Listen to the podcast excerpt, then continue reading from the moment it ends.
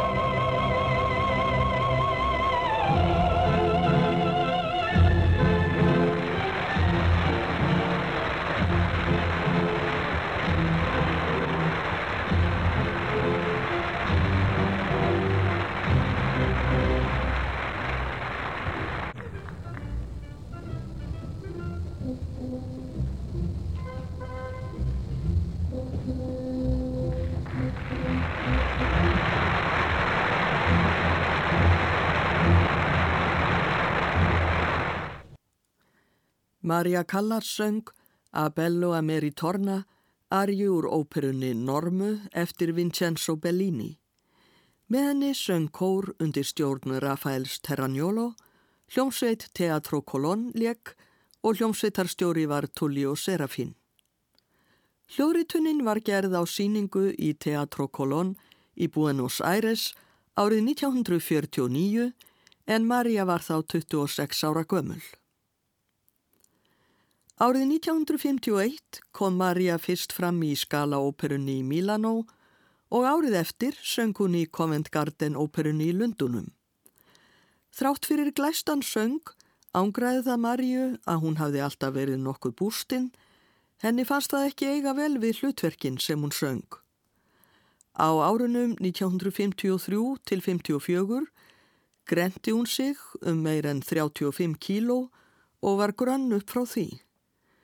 Um það hefur verið deilt hvort þessi megrun hafi átt þátt í því að söngferill Marju varð fremur stuttur eða hvort það hafi verið ofmikið álag eða veikindi sem orluð því. Hafi megruninn haft neikvæð áhrif, gæti þeirra að minnstakosti ekki strax, því margar af bestu hljóritinum Marju Callas eru gerðar á árunum 1954 til 59 og árið 1956 söng hún fyrst í Metropolitan Óperunni í New York. Marja Callas vakt ekki aðeins hrifningu fyrir söng, heldur einnig fyrir leik og töfrandi sviðsframkomu. Í viðtali árið 1968 hafði Edward Downs orðaði við Marju hvað hún hefði hrifið sig á sviði jafnvel þegar hún var ekki að syngja. Hann myndist þess að hafa séðana í Lucia di Lammermoor og sagði að sum áhrifamestu atriðin hefðu verið þegar Marja söng ekki og síndi ekkert látbrað, heldur þagði og fyldist með af svo mikilli einbeitni að áhorvendur hefðu skinnjað dramatíkina innra með personunni. Við heyrum nú spurningu Dáns og svar Marju. I wonder if, it, if it's because you seem to be so concentrated in, in everything you do. You know, one of my very brightest and earliest memories of you, the year that you sang at the Metropolitan when you made your debut as Norma, yes. which I enormously enjoyed. But th there are moments in Lucia that stuck in my mind, and oddly enough, and I think this is a tribute to a great artist, some of the moments that stuck in my mind were moments when you yourself, officially in your role, you had nothing to sing, you had no prescribed pantomime, you were watching. Hmm. And you watched with such participation and such intensity that I felt the whole drama was going on in your mind and without your, without even without any emotions. And I, I wonder well, how. Well, it's true. I don't indulge in many emotions unless it's absolutely necessary. I was taught that when I was a child, and I always, uh, I think by nature I am like that. I don't move a lot, and I uh, watch a lot. In mm. fact, I remember as a child, uh, this is not, of course, on stage, but my father always used to say when we walked by, and especially if we passed by a uh, ice cream parlor, and I'd all of a sudden stop walking, and yes. I'd pull my father's jacket, yes. and I wouldn't say a word. Yes. I'd just look at him wouldn't look at the ice cream parlor, I would look at him. And, mm-hmm. uh, well, he had caught on after a while, but he'd play the comedy and say, Well, what are you asking for? What do you want? Will you tell me? And I wouldn't say a word. I was just looking at him like mad. Uh. So I suppose I have that by habit. It's something that I feel I should do because it's my nature, and I probably indulge in that on stage. I don't know. Marja Callas sæðist yfirleitt ekki sína miklar tilfinningar. Hún hefði verið vaninn á slíka framkomu þegar hún var lítil og auk þess væri henni það eiginlegt. Ég reyfi mig ekki mikið en ég fylgist mikið með, sagði hún. Ég manað þegar ég var lítil og var úti að ganga með föður mínum, þá gengum við kannski fram hjá Ísbúð og ég stansaði skindilega og tókaði jakkan hans pappa míns. Ég sagði ekki eitt einasta orð, heldur horði á hann, ekki á Ísbúðina heldur á hann. Hann áttaði sig eftir svo litinn tíma, en gerða ganni sínu og sagði hvað langar þig í, hvað viltu, segðu mér það og ég sagði ekki orð, heldur starði bara á hann eins og mér væri borgað fyrir það. Þetta er ávanni hjá mér, mér er þetta eðlilegt og líklega ger ég þetta líka á sviðinu. Þetta sagði Marja Callas í viðtali sem Edward Downs tók við hana árið 1968. Við skulum nú heyra Marju syngja aríuna Spargi Lamaro Pianto úr óperunni Lucia di Lammermoor eftir Gaetano Donizetti. Þetta er hljóritun frá árinu 1959.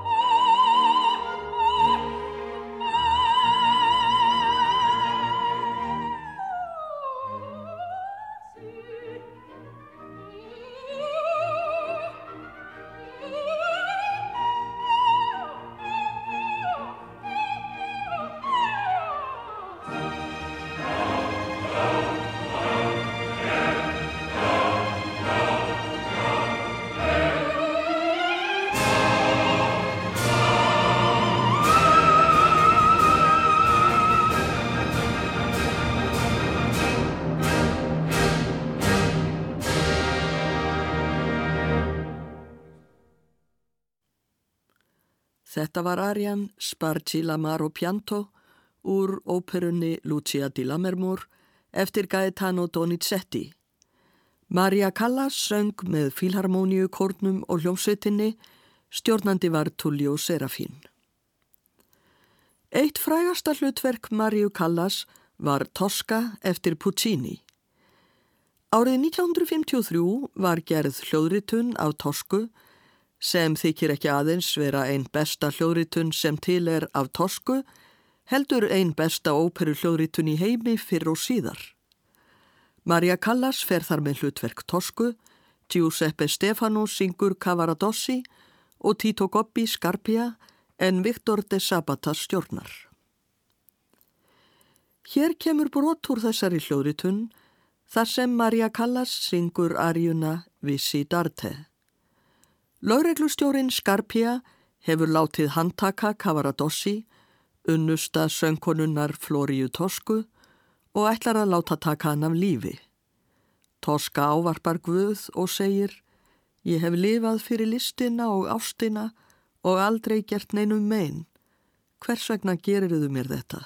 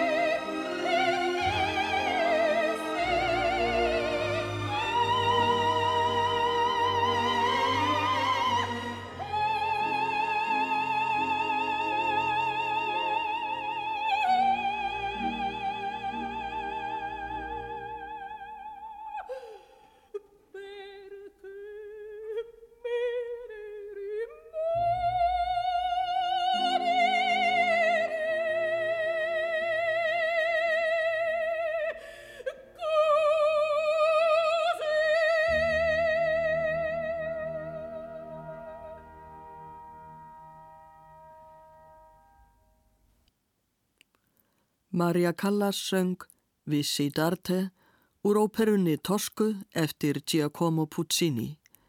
Victor de Sabata stjórnaði hljómsveit skalaóperunnar hljóritun frá 1953. Við heyrum annað atriði úr Tosku í þessari frægu hljóritun. Skarpja setur Tosku afarkosti, Hann býður henni líf Kavaradossis fyrir ástir hennar. Örvingluð sér Toska ekki annað ráð en að ganga að þessu en hún vil þá að Skarpia skrifi griðabref svo að þau Kavaradossi komist úr landi. Í atriðinu sem við heyrum er Skarpia sestur við að skrifa brefið. Toska kemur þá auga á nýf á borði og laumast til að taka hann upp. Þegar Skarpia ætlar að faðmana að sér, rekur hún hann í gegn og rópar Þetta er kost Tosku. Skarpia deyr með harmkvælum og Toska formælir honum á meðan.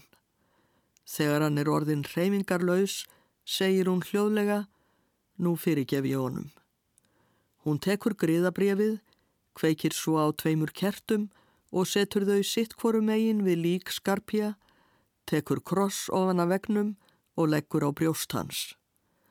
Áður en hún fer, snýr hún sér við, horfir á lík Skarpia og segir með fyrirlitningu og frammi fyrir honum titraði öll Rómaborg. Sagt er að það hafi tekið Marju Callas langan tíma að ná þessari setningu Evantia lui tremava tutta Roma, nákvamlega eins og stjórnandin Viktor de Sabata vildi hafa hana og hún hefði þurft að æfana í hálftíma áður en Sabata varð ánæður. En rétti hljómurinn náðist að lokum. Marja Callas er hér í hlutverki Tosku, Tito Goppi syngur Skarpia og Viktor de Sabata stjórnar hljómsveit Skalaóperunar í hljóðrituninni frá 1953.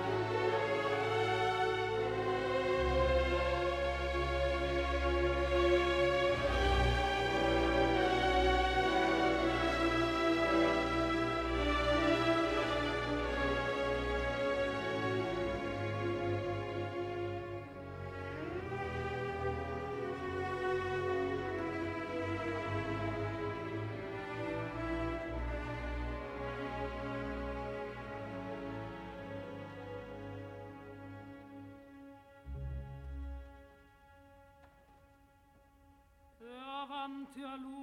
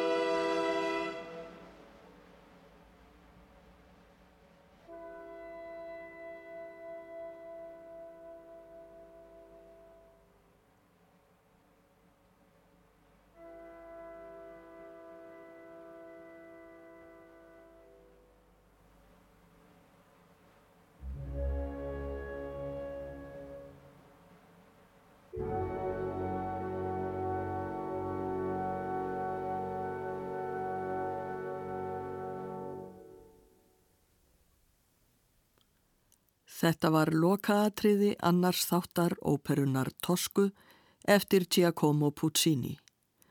Maria Callas fór með hlutverk Tosku, Tito Gobbi söng Scarpia og Victor de Sabata stjórnaði hljómsveit skala óperunar í hljóðritun frá 1953. Við heyrum næst hljóðrit frá 1954 Arju úr óperu sem einni er talinn til verismo óperana, raunsægis ópera eins og Tosca. Það er Andrea Chenier eftir Umberto Giordano. Óperan gerist í fransku byltingunni 1789. Madeleine du Coigny lýsir því fyrir Gerard sem áður var þjóttn á heimili hennar, hvernig móðir hennar var myrt af byltingarmönnum, sjálf slapp hún við illanleik og hefur lifað við skort síðan. Marja Callas syngur arjuna La Mamma Morta úr óperunni Andrea Sjeni.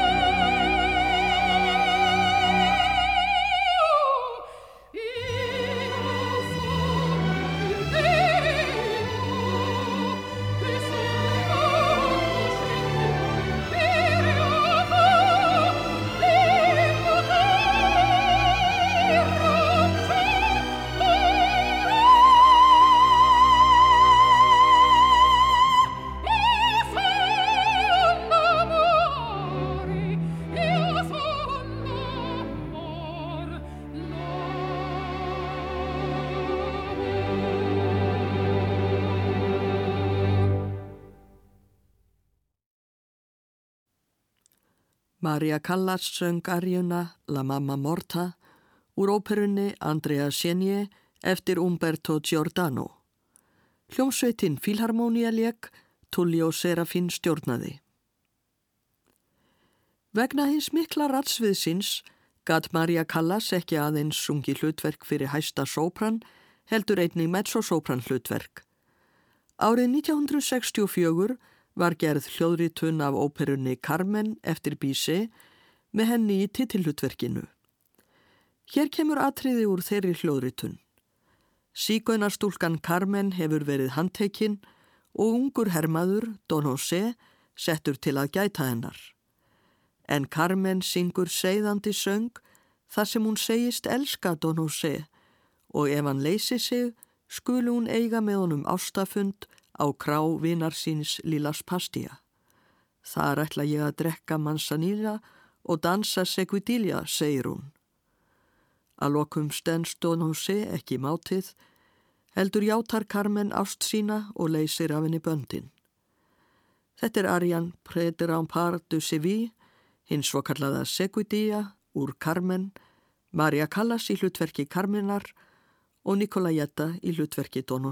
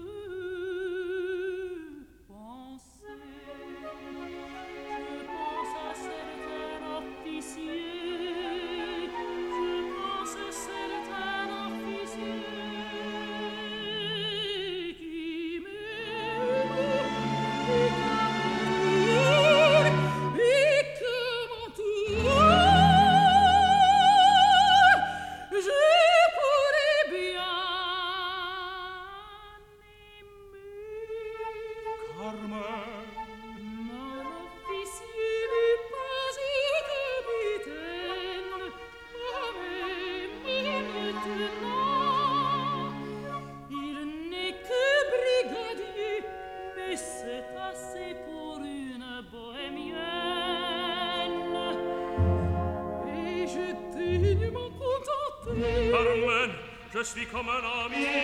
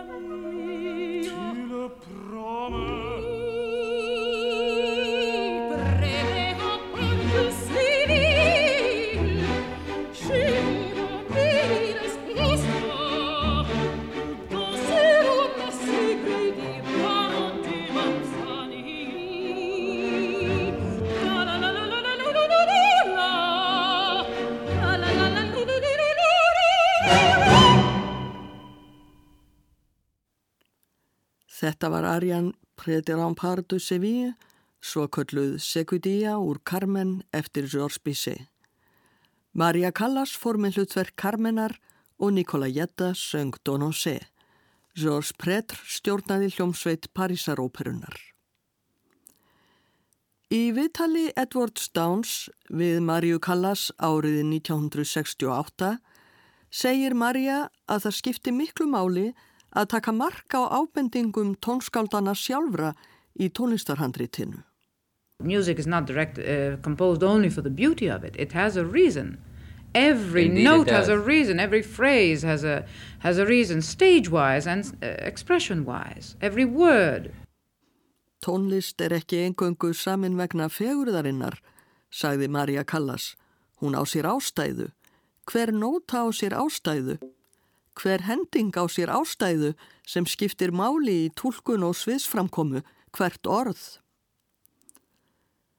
Maria Callas dó úr hjartaslægi árið 1977, 53 ára að aldri. Við ljúkum þessum þætti með því að hlýða á hana syngja arjuna O mio babino caro, arju Laurettu úr óperunni Gianni Schicchi eftir Giacomo Puccini. Þetta er hljóðritun frá 1954, Tullio Serafín stjórnar hljómsveitinni Filharmoníu. Ég þakka hlustendum áhernina, verði sæl.